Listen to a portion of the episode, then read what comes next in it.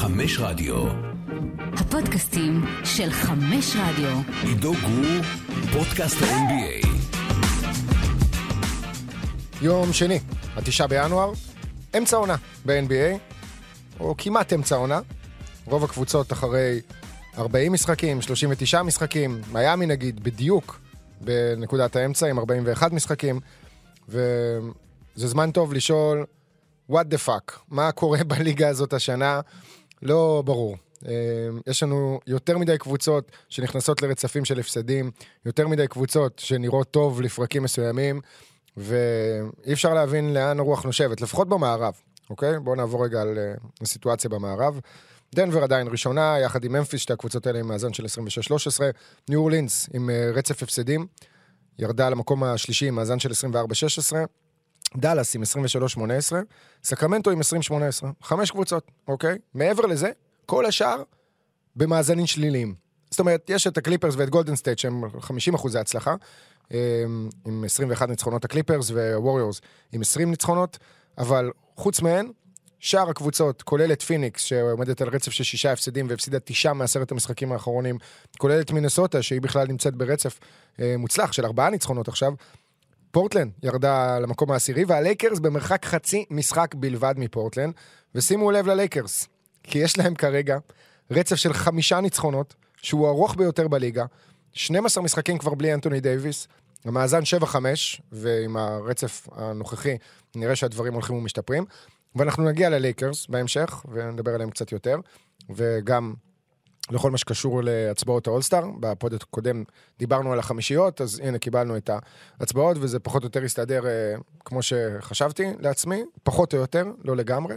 אה, אבל עכשיו יש לנו כבר את כל ההצבעות, ובואו ננסה להרכיב את 12 השחקנים בכל קבוצה באולסטאר, למרות שאני חושב שכבר צריך להעלות את זה ל-15, זאת אומרת לפחות ל-13, אם יש 13 שחקנים בסגל של משחק NBA, אז צריכים להיות גם 13 שחקנים בסגל של האולסטאר, ולא ברור לי למה ב-NBA עוד לא עשו את העדכון הזה, כשהם יודעים להגיב מהר מאוד לשינויים, אבל בואו נתחיל ברשותכם עם הקבוצה שנמצאת במקום ה-11 במזרח, הוושינגטון וויזארדס, שרושמת שני הפסדים רצופים, מאזן 17-23, בדיוק אותו מאזן כמו טורונטו, שלה יש עונה איומה ונוראה, ואין לה מספיק תירוצים. כן, היו קצת פציעות, סיאקם היה בחוץ איזה שלושה שבועות, ואן ווליט, on off, אבל עדיין, ציפינו לראות uh, דברים אחרים מהקבוצה הזאת, ובעיקר מסקוטי בארנס. אגב, זה השלב שאני בו פותח סוגריים, uh, ובדרך שלי להגיע לנושא מסוים, uh, נזכר במשהו מעניין שרציתי לדבר עליו בנושא הזה, אז סקוטי בארנס זה אחד מהנושאים האלה, ובכלל, כל דראפט 2021 שנמצא בנסיגה, כל השחקנים שם,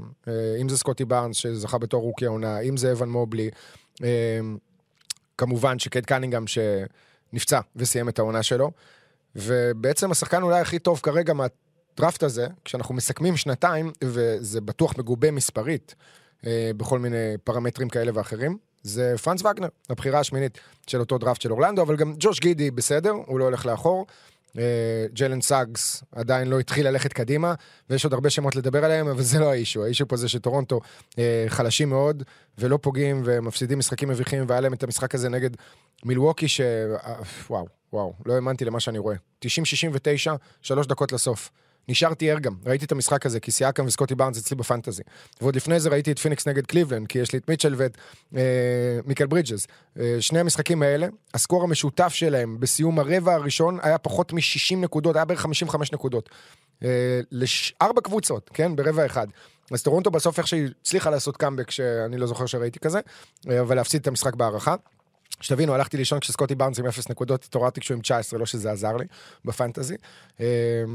אבל זה הסיפור של טורונטו, ואנחנו לא נתעסק בהרחבה היום, אבל אולי בהזדמנות אחרת. שיקגו ואטלנטה, עם מאזן 19-21, במקרה של שיקגו, בסדר, לא היו לנו הרבה ציפיות מהקבוצה הזאת, למרות שיש לה חמישייה על פניו טובה, מינוס אה, לונזו בול שבחוץ. ואטלנטה עם 19-21 אכזבה עצומה, התחילה את העונה הרבה יותר טוב, הייתה ב top 4, הולכת ומידרדרת, לא ברור מה קורה שם, היחסים בין נייט מקמילן לבין טרי יאנג, השילוב של טרי יאנג ודז'ונטה מארי, שבשבועיים שלושה הראשונים של העונה היה נראה כמו ה backcourt אולי הכי טוב בליגה לרגע, אה, וזה כבר פחות עובד.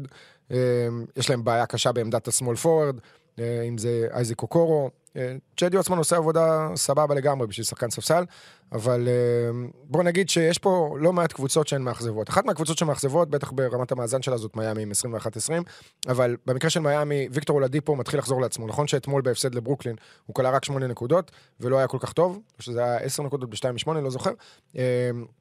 אבל אה, אה, אנחנו מתחילים לראות את הולדיפו של אינדיאנה, ברמה הזאת, בביטחון שלו, ביכולת שלו. אה, היה לו משחק של 25 נקודות מהספסל השבוע, לפני זה הוא פתח בחמישה, היה לו איזה משחק של 25 נקודות עם חמישה ריבאונדים וחמישה אסיסטים. אני לא דואג למיאמי, אני חושב שמיאמי תסיים בין שש הראשונות. כשאנחנו מסתכלים עכשיו על שש הראשונות, אז אינדיאנה היא השישית, עם חצי משחק מעל הניקס שנמצאים במקום השביעי, והפייסרס מדהימים ומשחקים כדורסל טוב. דיברנו עליהם כאן. ונדבר עליהם עוד בעתיד. זאת קבוצה שבשלב הזה אני לא פוסל אותה מלהיות בטופ 6. כן, אבל עדיין מיאמי עדיפה עליה, אז אני אתן את הקרדיט למיאמי ולניסיון שם, ואינדיאנה תהיה על הגבול. ועכשיו כשסיימנו את כל סקירת המזרח, בלי לדבר על הקבוצות שלמטה, כי הן פחות רלוונטיות כרגע, למרות שגם כאן יש לי הרבה עניינים באורלנדו אה, לדבר עליהם.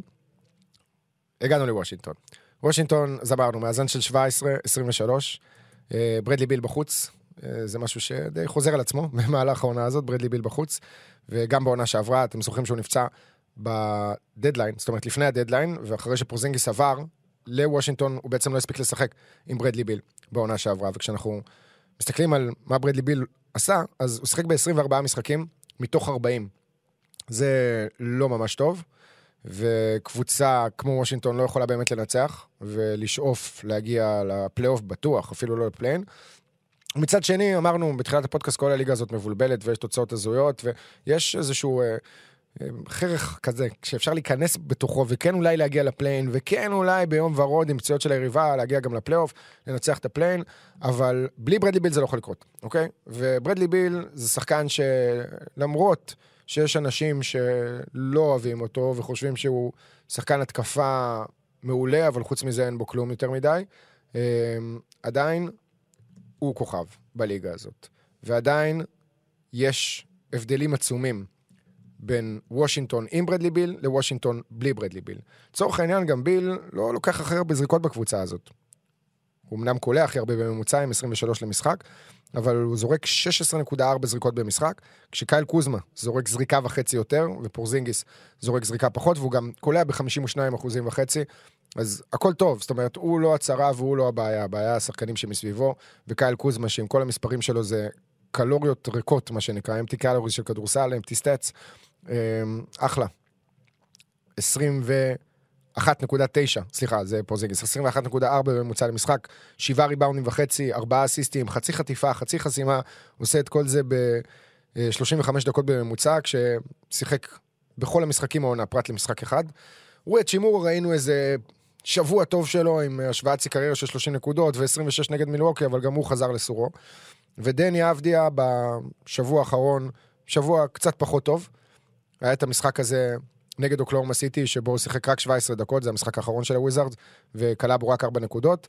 בשני המשחקים הקודמים, בהפסדים למילווקי back to back, הוא קלע בספרות כפולות, 11 ו-12, היה לו גם דאבל דאבל בניצחון על מילווקי, אבל עדיין, הוא היה פה באיזושהי עלייה מבחינת המספרים, והתחיל אה, לקרב את הממוצע שלו לאזורים של השמונה נקודות וחצי, תשע.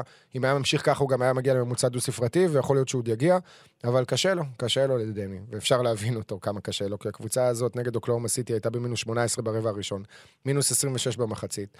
היא משחקת כדורסל אה, לא טוב, בלי ברדלי ביל, ברמה שהיא פשוט לא מצליחה כמעט לנצח. אז נכון שבתחילת העונה, היה איזשהו מאזן כזה, שנראה שוושינגטון יותר טובה, בלי ברדלי ביל. אה, אני חושב שאפילו אני דיברתי על זה, אבל זה היה נתון משקר, זה היה small sample size. אה, אני זוכר נכון, זה התחיל ב-4-1, המאזן הזה, העונה של וושינגטון בלי ברדלי ביל. אה, אז היה דיבור על זה שהקבוצה משחקת כדורסל יותר קבוצתי ושוטף, וכולם מקבלים את הזריקות שלהם, והם יותר בריאים והכל. אבל uh, מאז וושינגטון בעיקר מפסידה, בלי ברדלי ביל. המאזן שלה עד עכשיו העונה עומד על שבעה ניצחונות ותשעה הפסדים ללא ברדלי ביל, ובמשחקים שהוא שיחק, גם בכאלה שהיא הפסידה, היא הייתה הרבה יותר קרובה, היא לא חטפה בראש כמו במשחקים אחרים, אבל נגיד נגד אוקלאומה סיטי זה היה אחד מהימים האלה שבהם המשחק נגמר בשלב מאוד מאוד מוקדם. עכשיו אנחנו בתשעה בינואר, בדיוק חודש לפני הטרד דדליין, שיגיע בתשעה בפברואר. אני אתוודה ואגיד שהייתי בטוח כבר שבשבוע הזה, בשבוע הראשון של ינואר עד אמצע החודש, אה, כבר נראה עסקאות בליגה, ובינתיים אנחנו לא רואים כלום. שום trade, שום... למרות כל ה chatter ולמרות שיש הרבה קבוצות שהן כזה על הגדר ולא יודעות פלייאוף, פליי-אין, tanking לוומבניאמה, גם אלה הגרועות, הן לא כאלה גרועות, זאת אומרת, קבוצה כמו וושינגטון עוד יכולה להדביק את הקצב אם היא תפסיד את כל המשחקים, ויהיה לה את אחד משלושת המאזנים הגרועים בליגה. בקיצור, לא ברור מה קורה עם ברדלי ביל, מתי הוא חוזר, זאת אומרת זה לא אמור להיות הרבה זמן, אבל מצד שני הפציעה הזאת ב hamstring זאת פציעה שהיא מטרידה, ואם לא נחים מספיק זמן, אז קשה באמת להחלים ממנה, כי כל הזמן חוזרת, והיא כזה בקטנה כזה. אה, ואז אתה מרגיש טוב ואתה חוזר, אבל זה מוקדם מדי, כי צריך לתת לגוף עוד שבועיים, וזה בעיקר פציעה מנטלית בצורה מסוימת. אה, אני חושב שהעונה של וושינגטון די גמורה, היא לא יכולה לנצח. זאת אומרת, גם אם היא תגיע באיזשהו scenario לפליי-אין ותעלה לפלייאוף, את מי תנצח בפלייאוף? נו באמת. את בוסטון, ברוקלין, מילווקי, קליבלנד או פילדלפיה, כי יתרון ביתיות לא יהיה לה בפלייאוף, ואם היא תגיע לשם בסוף היא תפגוש אחת מהקבוצות האלה, והיא לא מסוגלת לנצח אף אחת מהן בסדרה של הטוב משבעה משחקים. אפרופו ברוקלין, אה, נחזיק אצבעות ונתפלל שקווין דורנט בריא אה, ולא יפספס יותר מדי זמן, הוא אמור לעבור היום MRI, אחרי הפציעה שלו אתמול במשחק נגד מיאמי, כשג'ימי באטלר נחת לו על הרגל וקיפל אותה, עוד לפני זה היה לו התנגשות ברכיים שם עם קייל לאורי. קווין דורנט זה סיפור אה, שלא מקבל מספיק, אני חושב, תשומת לב בעונה הזאת, כי מדובר בשחקן שהיה בחוץ שנה וחצי, לא שיחק כדורסל, בגלל פציעה באכילס, כולם דיברו על זה שאף אחד לא מצליח לחזור באמת כמו שהיה מהפציעה באכילס, בטח לא שחקנים גבוהים. דורנט לא רק שחזר למה שהיה, הוא משפר דברים אה, מבחינת נקודות, מבחינת אחוזי שדה, אני חושב שגם ריבאונדים, זאת אומרת, מספרי קריירה, כן? פסיכי לגמרי. אחרי פציעה בגיד האכילס, כשהוא בעונה ה-16 שלו ב-NBA, אה, קווין דורנט אגדה. ואני מקווה מאוד, אם אתם שואלים אותי עכשיו אני רוצה שתיקח אליפות השנה בגלל הסיפור, בשביל שחקן כזה או אחר, אז ברוקלין בשביל קווין דורנט, למרות שאני אתנחם גם בעוד כמה קבוצות. אני אדע אה, באיזה שמחה לשמוח. נחזור לוושינגטון, היא לא תנצח אף אחת מהקבוצות האלה, היא צריכה לקבל החלטה ומהר אה, לגבי trade על קוזמה, כדי לא להפסיד אותו, אם בקיץ הוא יבחר ללכת למקום אחר, שייתן לו אותו כסף כמו בוושינגטון, רק ששם הוא ירגיש שהוא יכול לנצח, אז זה יהיה פספוס. לגבי ברדלי ביל, תעשו shut down. מעבר לזה, לא יודע מה להגיד על פורזינגיס, אבל הקבוצה הזאת צריכה ללכת לדרך חדשה, וכשאני אומר דרך חדשה, אז אני לא יודע אם צריך להחליף גם את ה general uh, manager uh, ואת המאמן, אבל אני כן יודע שמה שקרה עם אדון ג'וני דייוויס, שנבחר במקום העשירי בדראפט, זה רשלנות, פשוט רשלנות מצידה של וושינגטון, מצידו של שפרד, ממי שהחליט שם, ואני חוזר שוב לליל הדראפט, מלקולם ברוגדון, עדיין שחקן אינדיאנה, יודע שהוא עובר ב trade לוושינגטון, הוא בא מוושינגטון די.סי, מרגיש לו נכון לשחק עם ברדלי ביל, ואז, שלוש שעות לפני הדראפט, הסוכן שלו מקבל טלפון ואומר לו, תקשיב, אין trade, אה, וושינגטון החליטה ללכת על הבחירה שלה, על הבחירה העשירית, כי זה היה חלק מהסיפור להעביר אותה לאינדיאנה. אז בקבוצה שאין בה point guard אמיתי, וכאילו זה היה אחרי שהביאו את מונטה מוריס, או לפני, לא, לפני, מונטה מוריס, בעצם אני כבר לא זוכר, אבל זה, גם אם אם מונטה מוריס לא היה, זה עוד יותר חמור, שלא היה עדיין point guard לקבוצה, וטומי שפרד ויתר על שחקן כמו מלקולם ברוגדון, למרות שגם הוא מועד לפציעות, ואנחנו יודעים את זה, וזה שיקול מסוים, אז אני כן אה, אזכיר את זה, וזה לגיטימי ש general manager חושב על זה, כשהוא מביא שחקן חדש, בטח point guard אה, פותח, אבל גם אחרי שלכאורה, נגיד, אתה יודע שמונטה מוריס בקבוצה שלך, למה שמישהו יחשוב שמונטה מוריס הוא רכז פותח ב...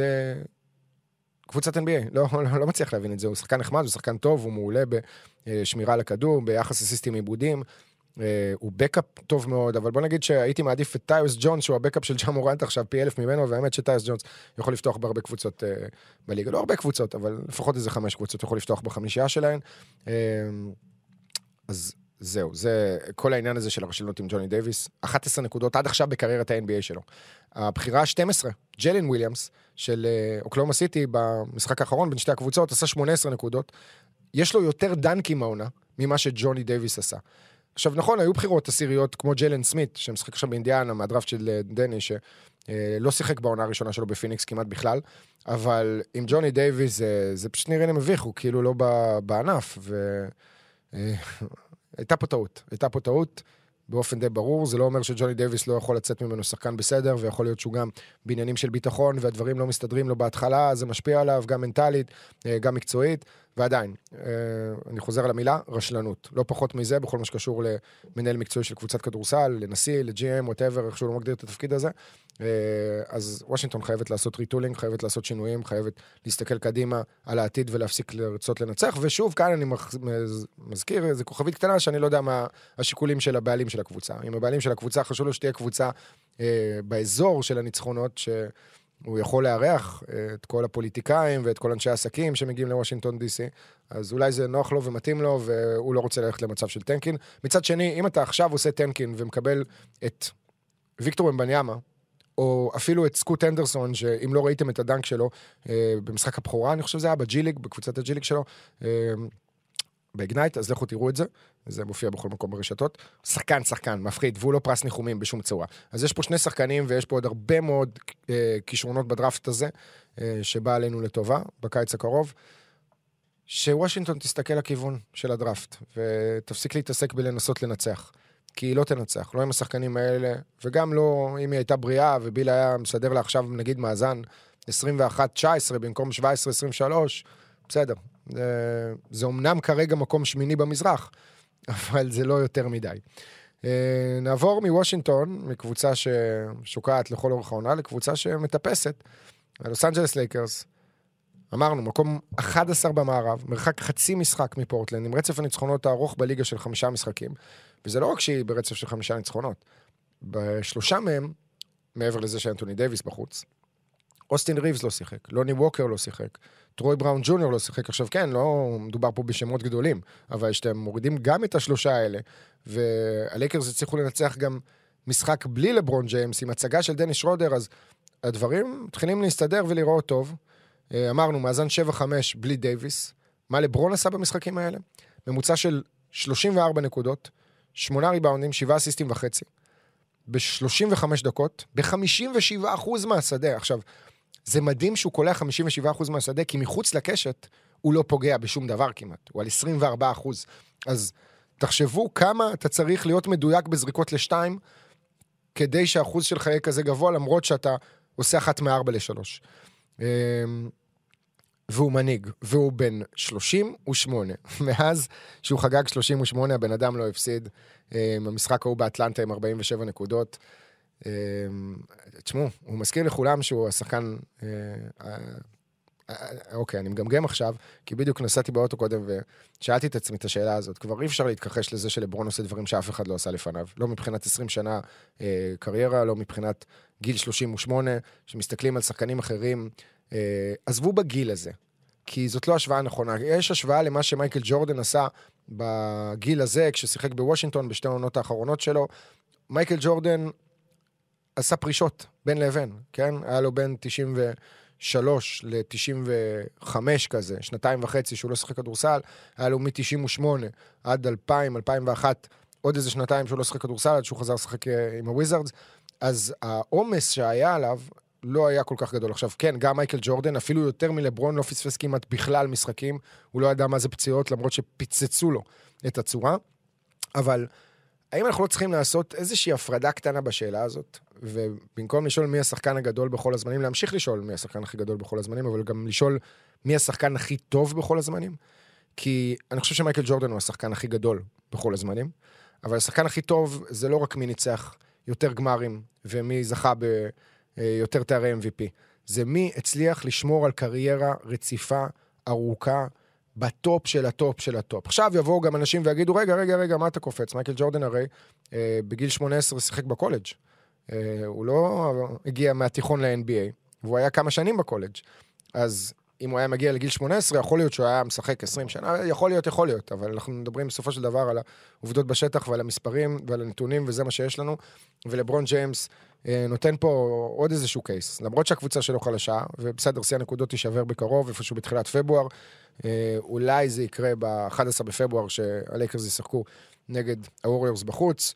אני מניח שזה יקרה, כרגע זה תלוי כמות משחקים של לברון יפספס עד אז. כי אם הוא לא מפספס משחק אחד, לדעתי זה יקרה כבר באזור החמישה בפברואר, חמישה, שבעה בפברואר, משהו כזה.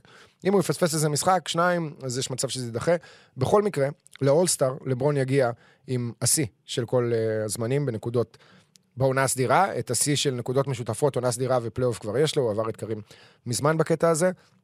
והלייקרס מנצחים, והלייקרס אה, רגע לפני חזרה, אולי, של אנטוני דייוויס, אל, אה, אוהדי הלייקרס ואלה שיש להם דייוויס ב fantasy, אל תקפצו עכשיו משמחה, אני לא, אין פה איזה משהו מבוסס. יש פה את הדיווחים האחרונים שהכאב ברגל של דייוויס אה, קצת ירד, הוא מרגיש הרבה יותר טוב, אה, ויכול להיות שהוא לא יזדקק לניתוח. ושוב, אני חוזר לסיפור של הבחירת דראפט של הלייקרס, שלניו אורלינס יש יכולת להחליף איתם. אז ללייקרס לסיים מחוץ לפליין זה קטסטרופה, זה אסון, הם צריכים לתת את הבחירה שלהם, ואז הם לא מרוויחים כלום מהעונה הזאת. לעשות טרייד על דייוויס, לא לעשות טרייד על דייוויס, בואו נראה מה האפשרויות. האם יש בכלל איזשהו שחקן, עזבו את דייוויס, אוקיי? האם ללייקרס יש איזשהו טרייד שהם יכולים לעשות שישפר אותם דרמטית? אז בשביל להשתפר דרמטית, או יותר נכון לקבל שחקנים ממש ממש אה, שוברי שוויון וכוכבים, היא צריכה לתת לכל הפחות את אנטוני דייוויס, ואז אתה שואל את עצמך, היא השתפרה ממש או לא השתפרה ממש? אה, קשה לדעת. אה, מבחינת טרייד שיביא שחקנים נוספים שיצטרפו לדייוויס וללברון, מי? כאילו מה, עכשיו אם יעשו טרייד עם שיקגו וזק לוין או דמאר דרוזן יגיעו לשם, אז, אז הלייקרס ייקחו אליפות, הם הופכים להיות קונטנדרים. אם אה, טורונטו תעשה איתם איזשהו טרייד על אה, שחקנים כמו, לא יודע, סיאקם אולי, uh, אולי סקוטי בארנס, למרות שהוא בעונה פחות, אני לא רואה שום שינוי דרמטי. אם וושינגטון, ברדלי ביל יגיע, הוא ייקח את הקבוצה הזאת ל... כן, כל שחקן כזה ירים אותה למעלה. אבל ברדלי ביל, דיברנו הרגע על זה שהוא פציע, אז מה, לקחת עליו ריזיקה כזאת, ועם כל הכסף שהוא מרוויח, ו...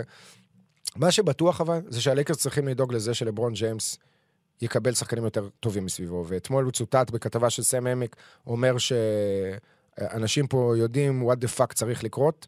אה, אחרי זה הוא ענה לאותו אה, כתב, צייץ אה, שהוא אמר את זה בצורה רגועה וכאלה, וזה מה שהוא אמר לו כל הזמן, ושהוא לא לוקח החלטות לגבי העברות וטריידים ושחקנים, ולא לקח גם לפני זה.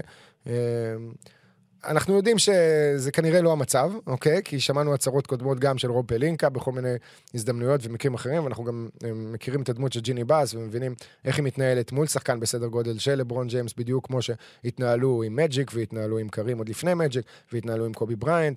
אה, ואגב, אני ממליץ לכם לסדרה הזאת של שק אה, ב-HBO. עם ארבעה פרקים, יש שם איזשהו קטע על הרעיון של ג'רי באס אחרי העונה האחרונה של שקיל וקובי ביחד לפני ששקיל עזב, שבריאיון אה, הוא מדבר על שקיל, הוא אמר שאנחנו הצענו לו הצעה, אם הוא ירצה שיחתום, הוא מדבר על אה, פיל ג'קסון, אנחנו נשמח שהוא יחזור, לא, לא יודעים, זה תלוי בו, לא בטוח שהוא רוצה לאמן בכלל, ובשאלה על קובי בריינט, הוא אמר קובי בריינט יהיה Laker for life. זאת אומרת, שקיל הבין כבר אז אה, מי ניצח, וההתנהלות הזאת של ג'יני באס מול לברון קיימת, כן? אין סיכוי אחר. אז הוא יכול להגיד כמה שהוא רוצה שהוא לא מעורב, אבל הוא מעורב, וזה ברור. אה, אבל הוא לא זה שמקבל את ההחלטות. הוא לא זה שמקבל, מתקשר ל-GMs ומדבר איתם על טריידים, רגע, אני אביא לך את זה, תביא לי את זה, או כל מיני דברים כאלה. יש אנשים שצריכים לעשות את זה, והם חייבים אה, לדאוג לכך שמסביב ללברון ג'יימס תהיה קבוצה קצת יותר טובה, כשהוא משחק כדורסל עילאי, אה, בגיל 38 בעונה ה-20 שלו בליגה. מעבר לזה, מילה טובה לאדון ראסל ווסטבוק. בתחילת העונה כולם ירדו עליו וכולם פירקו אותו, וכשהוא שיחק בוושינגטון גם אנחנו נהנינו אה, לפרק אותו, התסכול שלנו, למרות שעכשיו שאתם אה, שומעים את הרעיונות של אה, דני אבדיה, הוא מספר על המשמעות של ווסטבוק בתהליך שלו ב-NBA ועל איזה דמות הוא בשבילו. ראסל ווסטברוק הוא לא בן אדם רע, כמו שהרבה אנשים אולי חושבים, בגלל שהוא שיחק כדורסל רע, הרבה מאוד. אז השנה הוא לא משחק כדורסל רע. מאז שהוא ירד לספסל, והוא ירד לספסל אחרי שלושה, ארבעה משחקים. הוא שיחק שלושה משחקים בחמישייה, ו-37 אה, עלה מהספסל, הוא כרגע על ממוצע של כמעט 15 נקודות, שמונה אסיסטים, שישה ריבאונדים וחצי. אה, שלושה טריפל דאבלים מהספסל, הכי הרבה אי פעם, שחקן שישי, שזה עוד איזה שיא שהתווסף לרשימה ארוכה מאוד של שיאים. הבעיה שלו זה כרגיל האחוזים, 41 אחוז מהשדה, 28 אחוז לשלוש, אבל הוא מאבד קצת פחות ביחס למה שהיה לפני זה, והעונשין הוא על 68 אחוז, אז הוא לא לגמרי הורג אותך שם. ובסך הכל הוא פקטור מאוד משמעותי בניצחונות האלה של הלייקרס שרצים קדימה. עוד פקטור מאוד משמעותי, אקס וושינגטון, אדון תומאס בריינט, עכשיו יש שני אקסים של וושינגטון.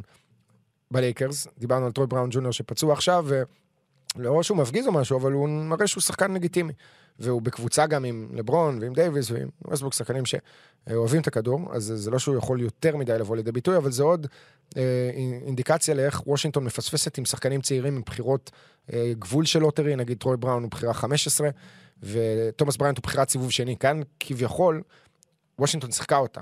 כי בריינט התחיל טוב מאוד את הקריירה שלו והפתיע, ואז בעונה השנייה של עבדיה, בעונה שעברה בעצם, הוא נפצע, בתח... סליחה, סליחה, סליחה, בעונה הראשונה, בעונת הרוקי של דני אבדיה. הוא נפצע ממש בשבוע הראשון שם.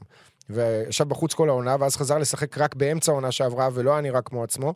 אז עכשיו הוא נראה כמו מפלצת.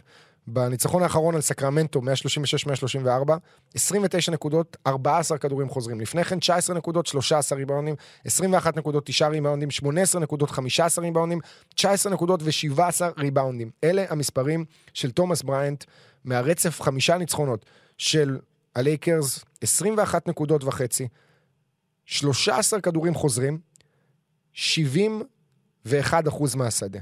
הבן אדם נהיה beast.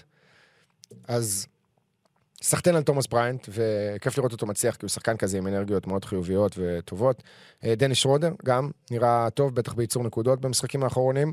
והלוואי שהלייקרס יתקדמו וינצחו, ושהשבירת שיא של לברון לא תהיה בעונה כזאת עלובה, כי אני אגיד לכם כזה דבר. הקבוצה הזאת, אם היא בריאה לגמרי, לברון ג'יימס, אנטוני דייוויס, היא מסוכנת לכל קבוצה בסדרה של הטוב משבעה משחקים. אז כן, היא לא פייבוריטית, אבל היא גם יכולה להפתיע. כל אחת. בטח לברון, בטח דייוויס, וזה עדיין לא משהו שאני רואה קורה, כן? הלייקרס לא יכולים... אה, אה, לא מדבר עכשיו על אליפות, אין מה לדבר על אליפות, אבל בוא נגיד שהיא יכולה לנצח איזה סדרת פלייאוף אחת. אולי להגיע לגמר מערב, בהנחה שבכלל תצליח להגיע לפלייאוף, כשהכל שם צפוף ובלאגן, וכמה קבוצות יצטרכו להישאר בחוץ בסוף, אין, אין ברירה, ככה זה עובד אה, בליגה הזאת. אז הלייקרס trending up, ונקווה שהם ימשיכו ככה, כי הם חשובים לליגה. ככה אומרים, לא? כמו שבית"ר ירושלים חשובה בכדורגל. אה, ויש עוד קבוצות כאלה שחשובות, כשאנחנו מסתכלים על לוח המשחקים הקרוב שלהם, אז... אה, אגב, הם התחילו עם ה schedule בערך הכי קשה. יש להם מחר בלילה את דנבר, או יותר נכון היום בלילה את דנבר, אה, ואז משחקי בית נגד דאלאס, פילי, יוסטון, סקרמנטו, ממפיס. פה הם צריכים לנצח מהשבעה משחקים, סליחה, הקרובים, ארבעה, והם יהיו במצב טוב. ולנצח את סקרמנטו בבית אחרי שהם ניצחו אותם בחוץ, זה לגמרי אפשרי. את יוסטון זה הכרחי. את uh, דאלאס, גם את דאלאס. אני, עם כל ההתפוצצויות של לוקה דונצ'יץ', ראינו אתמול את דאלאס נגד אוקלאומה סיטי בלי לוקה. זאת קבוצה שאם לוקה דונצ'יץ' לא משחק בה, היא כנראה אחרונה ב-NBA, אה, עם כל העונה הטובה של קריסטיאן ווד. נעבור מהסיפור של הלייקרס ומהסיפור של לברון להצבעות של האולסטאר, למרות שנשאר גם בהצבעות של האולסטאר. אה, וקודם כל ניתן את המספרים, אוקיי? אני, הערכה שלי הייתה, לא הערכה שלי, הבחירה שלי לפי היכולות והמספרים של העונה הזאת, פלוס מאזנים של הקבוצות, שמה את לברון, יוקיץ' וזיון ב front court של המערב, ושמה את לוקה וג'ה ב backcourt של המערב, רק בגלל שסטף אה, פצוע, למרות שהוא נותן עונה מדהימה, ועונה יותר טובה מג'ה, עם כל הכבוד, אבל המאזן של ממפיס 26-13, המאזן של גולדן סטייט היה פחות טוב גם לפני הפציעה של סטף קרי בכל מקרה. סטף ראשון בהצבעות מהקו האחורי, לברון ראשון בסך הכל, עם מעל לשלושה מיליון קולות, זה ההצבעה הראשונה, כן? יהיו עוד כמה סבבים, אה, שלושה, אם אני לא טועה. אז נכון לעכשיו, וקשה לראות את זה משתנה, גם בכל מה שקשור לפופולריות, סטף ולוקה בקו האחורי, לברון, יוקיץ', ואנחנו לא יודעים אם קו אחורי בנוסף. למה? כי אנטוני דייוויס הוא שלישי בהצבעות עד עכשיו, אנחנו לא יודעים אם דייוויס יחזור עד אז, מה המצב שלו. אה, זיין וויליאמסון רביעי, גם במקרה שלו, הוא עם מתיחה עכשיו ב hamstring, אה, נכון, אם אני לא טועה, פציעה של לפחות שלושה שבועות, האולסטאר הוא עוד חודש וחצי, עוד אה, חודש ושמונה ימים ליתר דיוק, ה weekend מתחיל ב-17 בפברואר. אז זה יהיה איזושהי קומבינציה של השחקנים האלה, רק נקווה שלברון ויוקיץ', אפשר להניח שיישארו בריאים. אה, שדייוויס או זיון, אחד מהם, שיצטרף לשלישייה הזאת, כי אנדרו ויגינס הוא שוב מקום חמישי בהצבעות, אה, קנדה מייצגת. פול ג'ורג', מקום שישי, ואז לאורי מרקנן שביעי, דריימונד גרין שמיני, קוואי תשיעי, קבון לוני עשירי. בגארדים, אחרי סטף ולוקה, ג'ה מורנט, בפער של מעל למיליון קולות, שזה די מפתיע. הייתי בטוח שג'ה הוא שחקן כל כך פופולרי, שהוא כבר התקרב למספרים שלהם. שי גילג'ס אלכסנדר במקום הרביעי, ואז בצניחה של כמעט 400 אלף קולות, קלה תומפסון חמישי, ראסל ווסטבוק שישי, לילארד שביעי, בוקר שמיני, אוסטין ריבס תשיעי וג'ורדן פול עשירי.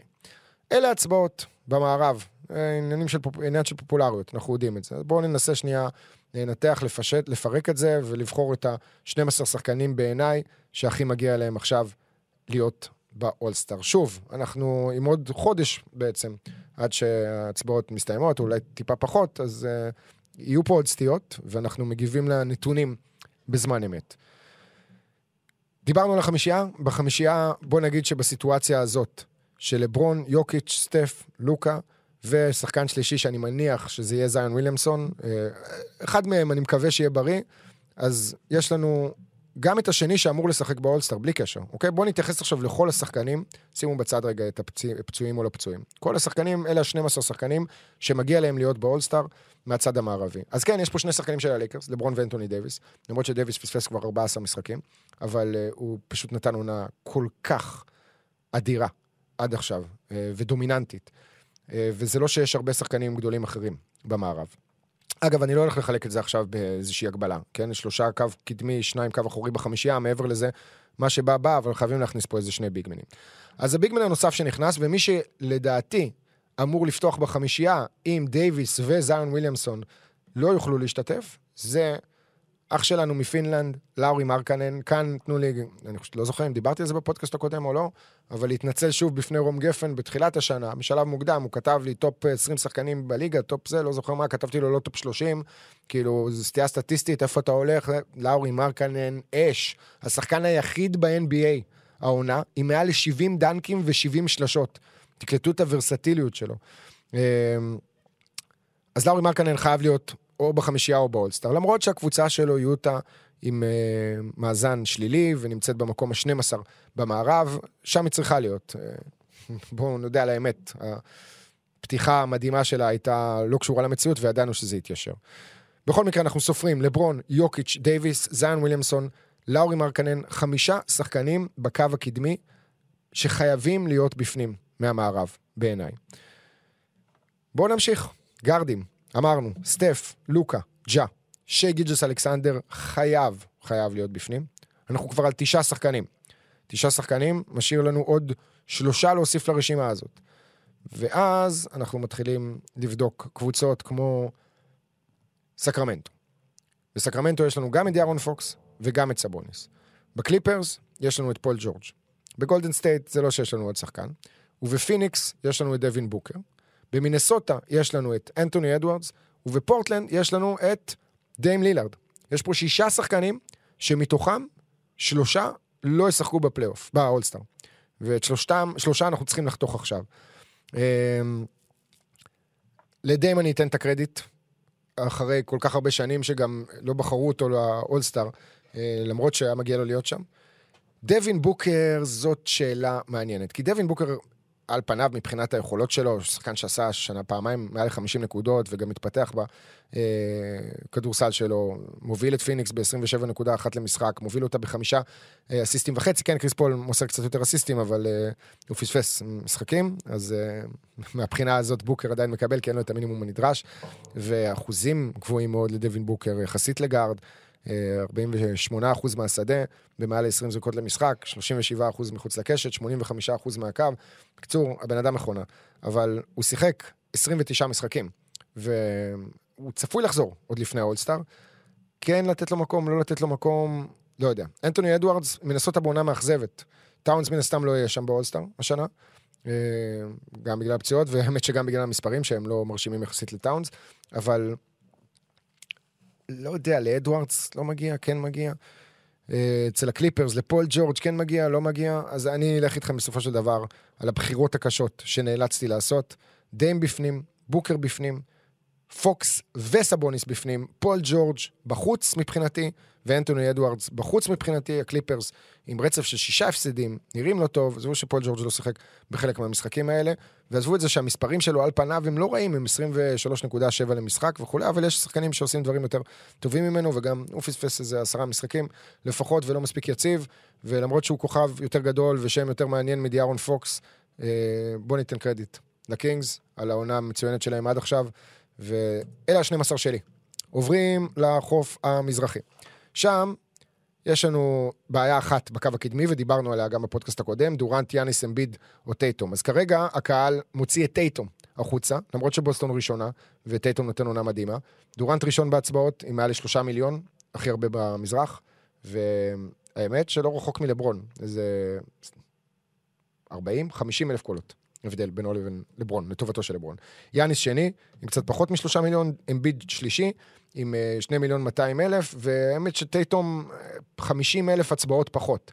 אז עוד לא נאמרה מילה אחרונה כאן. ג'ימי באטלר, חמישי בבחירות, סייקם שישי. קוזמה, במקום השביעי. בנקרו, הרוקי של אורלנדו. שמיני, ניק לקסטון, תשיעי, וג'ארט אלן עשירי. והדבר המדהים כאן, זה שניק לקסטון במקום התשיעי, ואף שחקן של הניקס לא נמצא בהצבעות. והניקס עושים עונה סבירה, בטח בשבועות האחרונים, וג'וליוס רנדל הרבה יותר טוב ממה שהוא היה בעונה שעברה, מתחיל להזכיר את עונת התואר השחקן המשתפר שלו. אה, איזה חוסר כבוד לניקס, אפילו בעיר שלהם. אה, בגארדים, קיירי ראשון עם שני מיליון הצבעות, מראה לכם משהו על מה שהקהל אה, מרגיש כלפי קיירי, בניגוד לתקשורת אולי. דונובין מיטשל שני עם מיליון שש מאות, ג'יימס הארדן שלישי, ג'לן בראון רביעי, כל אלה עם מיליון וקצת, טרי יאנג חמישי עם 790 אלף, דה רוזן, שישי, למלו בול שביעי, טייריס הליברטון שמיני, דרק רוז, איכשהו, שלא משחק כדורסל בכלל תשיעי, אה, מגיע לו, האמת מלך, ודריס גרלנד עשירי. טוב, מבחינת החמישייה, דיברנו על זה כאן. אה, אני חושב שטרי סלי ברטון צריך להיות הגארד הפותח מבחינת היכולת נטו, אבל זאת גם תוך קורות פופולריות, כמו שציינו, אז קרי ארווין די מתבקש שהוא יהיה שם, יחד עם דונובין מיטשל, מאמין שזה יהיה הקו האחורי, והקו הקדמי יהיה מה שלא יהיה בין השלושה מתוך הארבעה. בואו נראה שדורנט גם יהיה בריא, נחזיק לו אצבעות, שישחק באולסטאר.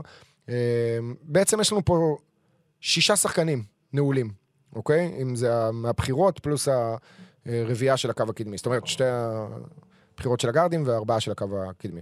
וזה משאיר לנו עוד שישה מקומות בסך הכל.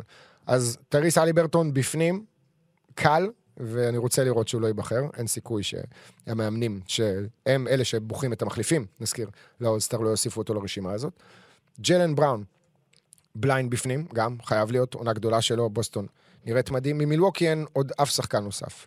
מקליבלן, עם כל הכבוד להצבעות שגרלנד קיבל, הוא לא בעונת אולסטאר כמו שהיה בעונה שעברה, מיטשל קצת הפריע לו בהקשר הזה. ממשיכים מפילדלפיה, הסיקסרס, אמביד בפנים, כן, ג'יימס הארדן, בפנים או לא בפנים? מה אתם אומרים? לדעתי חייב להיות בפנים, זאת אומרת, אני שואל אתכם מה אתם אומרים, אבל אתם לא יכולים לענות. אגב, אה, זה זמן טוב לספר שחשבתי על זה, שלקראת ההמשך, בגלל שאני מתכוון לעשות יותר אה, פודקאסטים כאלה, אז אה, אני רוצה לצרף בכל פודקאסט איזה מישהו מהבית, שיעלה וידבר איתי על NBA קצת. אני לא הולך לפרסם את זה באיזשהו מקום, מי ששומע את הפודקאסט הזה, הוא עוקב אחריי באינסטגרם, וגם הרבה אנשים מתכתבים איתי ומדברים איתי. אז uh, אחד מהעכברי כדורסל האלה שכל הזמן מתכתבים איתי, בהנחה שהוא ירצה כמובן, לדבר על נושא מסוים, נעלה אותו ונדבר ונתחיל לשלב גם אתכם בפודקאסטים. למה כל הזמן? זה שני אנשים שמדברים ולא מקבלים אחרים. כאילו, כן, אז יש כל מיני מיטאפים שמצטרפים, אבל בואו תהיו חלק מהפודקאסטים. טוב, נחזור לעניין. ג'יימס ארדן בעיניי בפנים. אז כש... בואו, let's back up. אוקיי? נחזור אחורה. היה לנו שישה שחקנים בפנים, הוספנו לשחקנים האלה את uh, ג'לן בראון, את uh, ג'יימס הארדן עכשיו, וטייריס הליברטון, זה שלושה שחקנים נוספים. עוד שאלה לגבי הפייסרס. מיילס טרנר. מיילס טרנר בעונה מדהימה, הכי טובה שלו בקריירה. הוא לא קולע הרבה נקודות ביחס לכוכבים אחרים, אבל ביחס לעצמו, הבן אדם הוא מלך הסלים. 17 נקודות בממוצע למיילס טרנר, כשהממוצע הגבוה ביותר שלו בקריירה עמד על 14 וחצי בעונה הראשונה בליגה. הוא עושה את זה ב-55% מהשדה, הוא גם משחק השנה בהרבה משחקים, ב-35 משחקים, מתוך ה-40 של הסיקסרס, 41. ובשנים האחרונות שיחק עונה שעברה 42 משחקים, שנה לפני כן 47 משחקים. בעונת הקורונה לא רלוונטי, אבל אה, עונה לפני זה 74 משחקים מתוך 82, זה בסדר.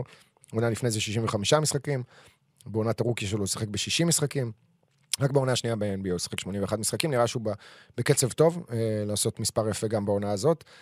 אם הוא צריך להיות שם או לא צריך להיות שם, זו שאלה גדולה מדי כרגע שאני לא מצליח לענות עליה.